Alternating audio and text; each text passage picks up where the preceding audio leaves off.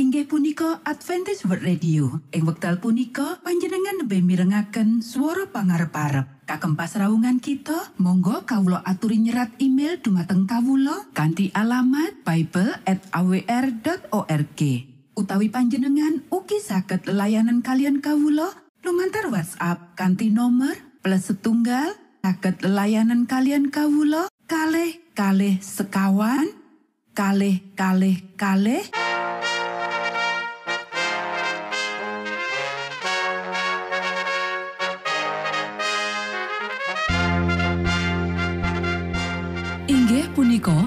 Adventist World Radio ingkang giaran kanti basa Jawi. Tentrem Rahayu Kulo aturaken kagem poro Mitra kinasih ing pundi papan lan panggonan. Sugeng pepanggian malih kalian Adventist World Radio. Kanti bingahing manah Kulo badi sesarengan kalian poro Mitra kinasih lumantar saperangan adicara ingkang sampun rinonci mligi kagem panjenengan sami. Mugi giaran punika saged migunani tuwin dados berkah kagem kita sedaya. Sugeng midhangetaken Gusti amberkahi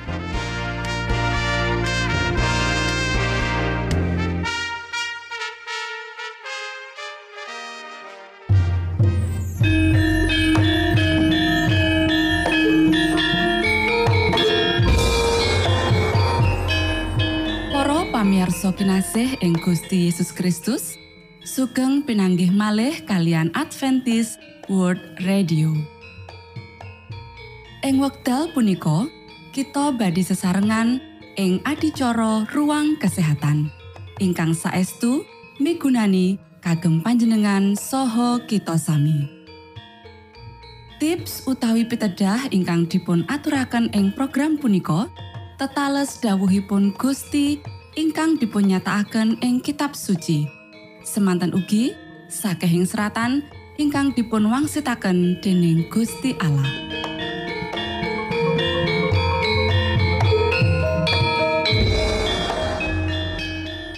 Nanging saderengipun monggo kita sami midhangetaken kidung pujian.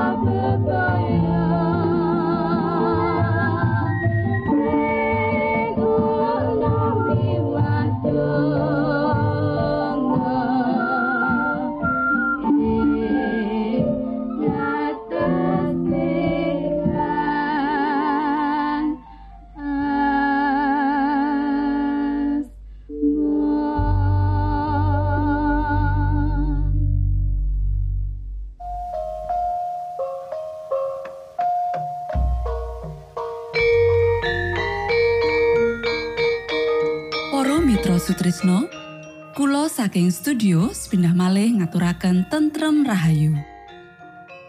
Puji syukur dumateng Gusti ingkang murbeng dumati ingkang sampun kepareng paring wewenngan kagem kita. Satemah saged nglajengaken ruang kesehatan. Pirembakan kita semangke kanthi irah-irahan. Panganan panutup gula perangan setunggal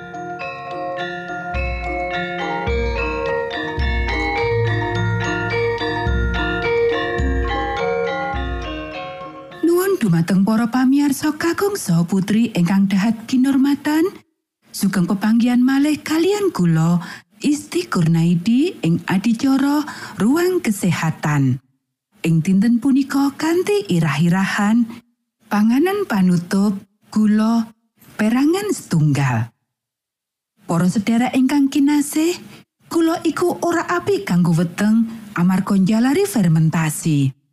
Fermentasi ing weteng ganggu otak lan uga ganggu tingkah pola. Umume cacah gula sing akeh banget digunakake ing panganan. Kue, puding manis, kue lapis, selai, sakabehe jalari sembelit. Sing paling bebayani ya iku kustard lan puding amarga bahan utamane ya iku endok, susu lan gula. Ojo nggunakake susu lan gula sing digabungake bebarengan. Para sedherek ingkang kinasih, ana siji kasus ing Montcalm County, Michigan sing bakal tak critakake. Dheweke wong sing terhormat. Dhuwure 180 cm lan awake apik banget. Aku ditimbali nemoni dheweke amarga dheweke loro. Sakdurunge iki, aku nate rembukan karo dheweke babagan cara uripe. Aku kondo, aku ora seneng karo caramu ndeleng. Dheweke mangan kula akeh banget. Panganan ora gawe marme dheweke. Aku takon kenapa dheweke nindakake iki. Dheweke kondo yen dheweke wis ninggalake panganan daging. Dheweke ora ngerti bahan opo liyane sing bisa ganti kejaba gula. Panganane ora nyenengake selerane amarga bojone ora ngerti carane masak. Para sedherek ingkang kinasih, ana sawetara wong sing ngongkon putri-putri sing wis ngancik diwasa sekolah kanggo sinau kawruh sadurunge ngerti masak. Tamangka ilmu masak kudu diutamakake. Anak sampeyan kudu ngerti carane nyediakake panganan sing sehat. Pujulan ibu kurang kawruh ing cabang pendidikan wigati iki. Akibate, dheweke masak panganan kanthi cara sing ora nyukupi, saingga panganan kasebut ora bisa nyukupi kebutuhan awak. Banjur padha mangan gula saake-ake. Pakulinan iki jalari loro ing awak. Uripe wong iki wis dikorbanake tanpa guna amarga cara masak sing ora bener. Naliko aku ngunjungi wong loro iki, Aku nyoba mene pituto babakan carane ngatasi. Banjur moko sidik kasarasane wiwit pulih. Nanging ganti bodo wiwit olahraga senajan dheweke durung bisa, banjur dahar sedidik panganan kang ora apik. Satemah nandang sang soro maneh.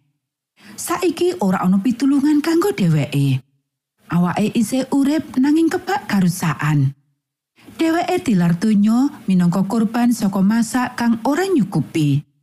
Dheweke nyoba mangan gula minangka gantine panganan sing sehat, nanging munggawe kahanan luwih ala.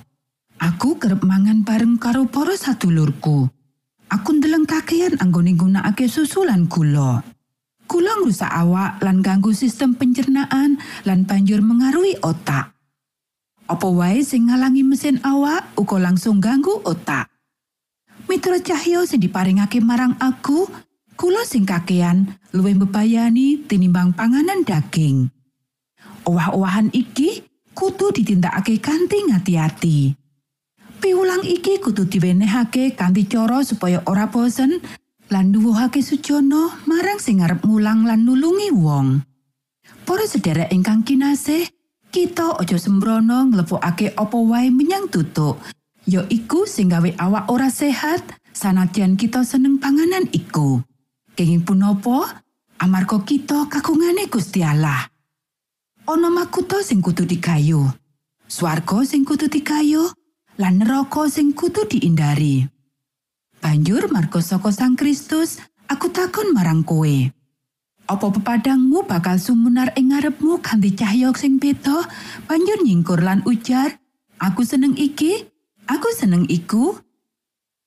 Gusti Allah nimbali saben wong kanggo miwiti rancangan kanggo makarya bebarengan karo Gusti Allah ing sih rahmat lan katresnane kang gedhe kanggo ngangkat munjukake lan nyucikake jiwa raga lan roh supaya kita dadi konco Gusti Allah Para sedherek ingkang kinasih luwih becik ngeculake barang sing legi iku Ojo temek panganan panutup sing dicawesake ing meja nedha sampeyan ora merlokake Sampeyan pingin pikiran sampeyan cedha miturut dawuhe Gusti Allah.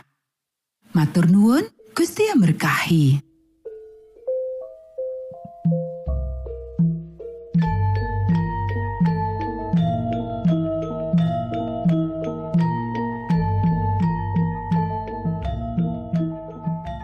Cekap semanten pimbakan ruang kesehatan ing episode dinten punika. Mugi pisegahan punika saged migunani kagem kita sami. Ugi sampun kuatos jalaran kita badhe pinanggih malih ing episode sak lajengipun.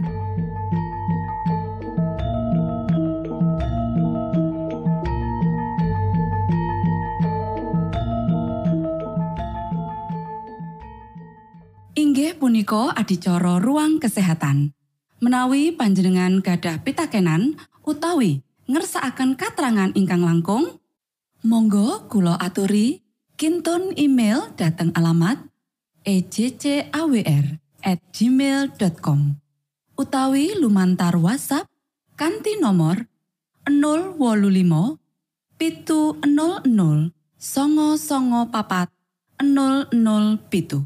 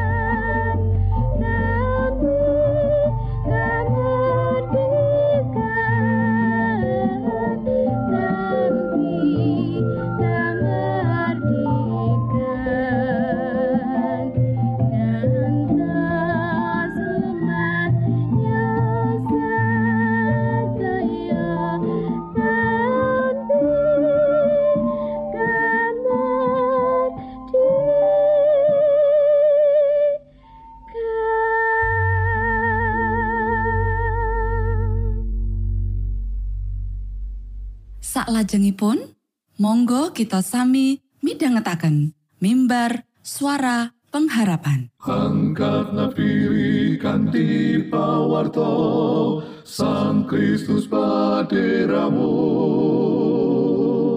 Pro umat samyo puji asmanyo Sang Kristus paderamu Inggih punika mimbar suara pengharapan. Ing episode punika kanthi irah-irahan Ngadeg jejeg ing palagan perang kuno. sugeng midhangetaken. Minangka tondo Sang Kristus paderamu Ilmu kawero tambah lan tambah Sang Kristus paderamu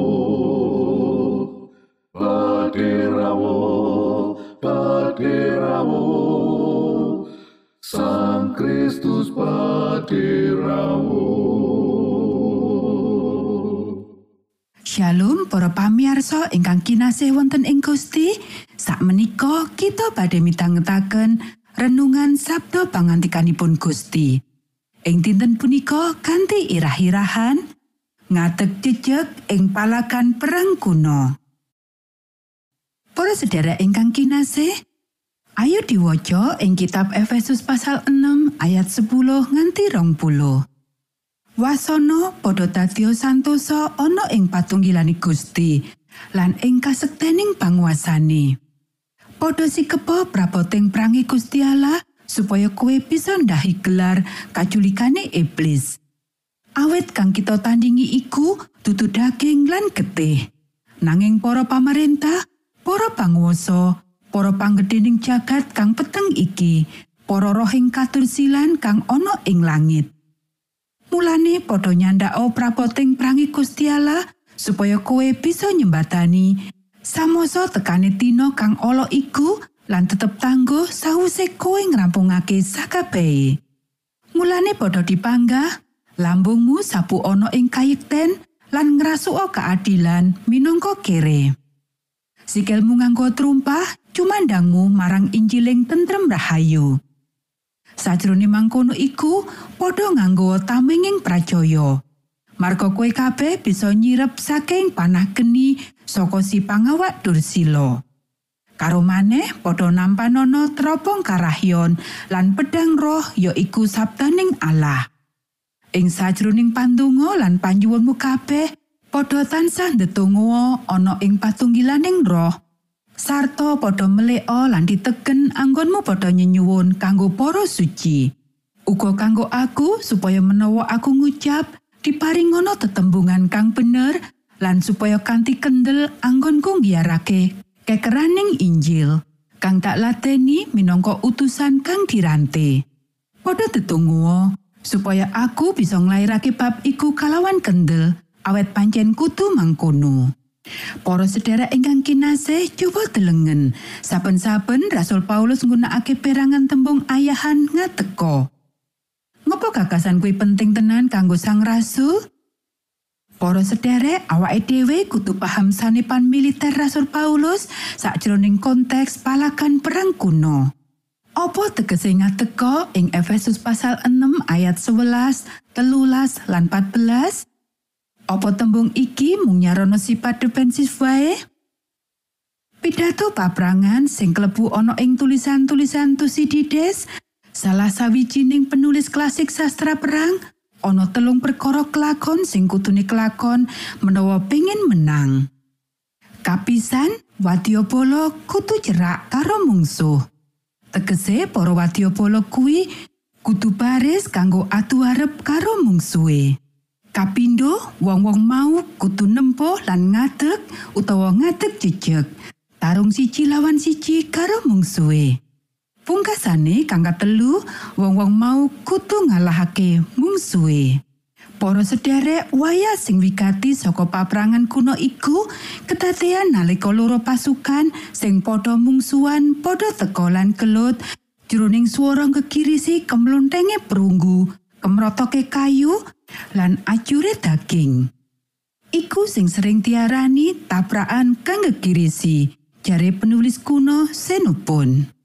Para sedherek ingkang kinasih, ngadeg jejeg sejatine nahan posisi sing dadi tantangane ning paprangan kuno. Ing paprangan atu arep, para wadya polo kang perang bakal goleki wewengan kanggo njungkrakake musuhe.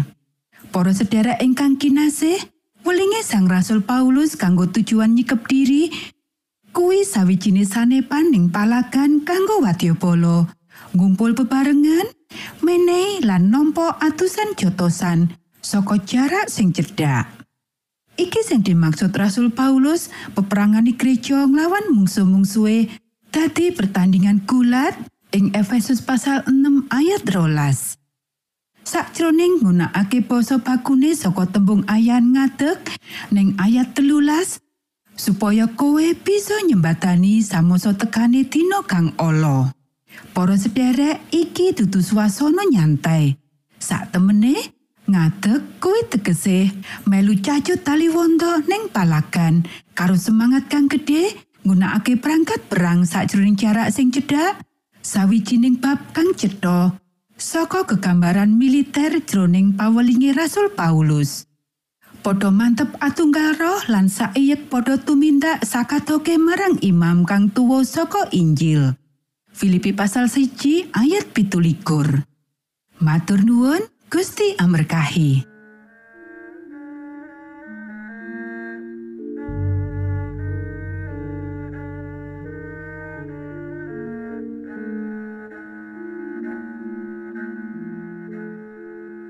Mitra Sutrisno, pamiarsa kinasih ing Gusti Yesus Kristus. Sampun paripurno pasamuan kita ing dinten punika. Menawi panjenengan gadah pitakenan utawi ngersakaken seri pelajaran Alkitab suara nubuatan, monggo Kulo aturi kintun email dateng alamat ejcawr gmail.com utawi lumantar WhatsApp kanti nomor 025 pitu 00 songo songo papat 00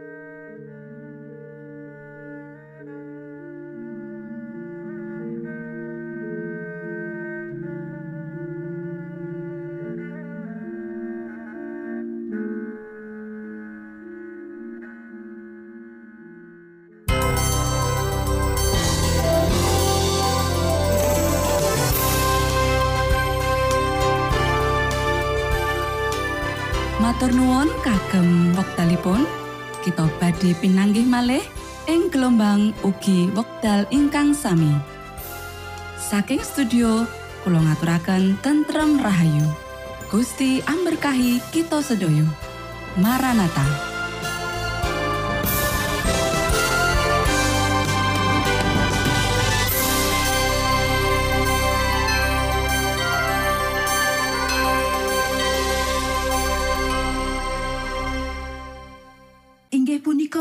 Adventist World Radio. Ing wekdal punika panjenengan lebih mirengaken swara pangarep-arep. Kagem pasraungan kita, monggo kawula aturi nyerat email dumateng kawula kanthi alamat bible@awr.org. Utawi panjenengan ugi saged layanan kalian kawula lumantar WhatsApp kanthi nomor plus setunggal saged layanan kalian kawula kalih kalih sekawan kalih kalih kalih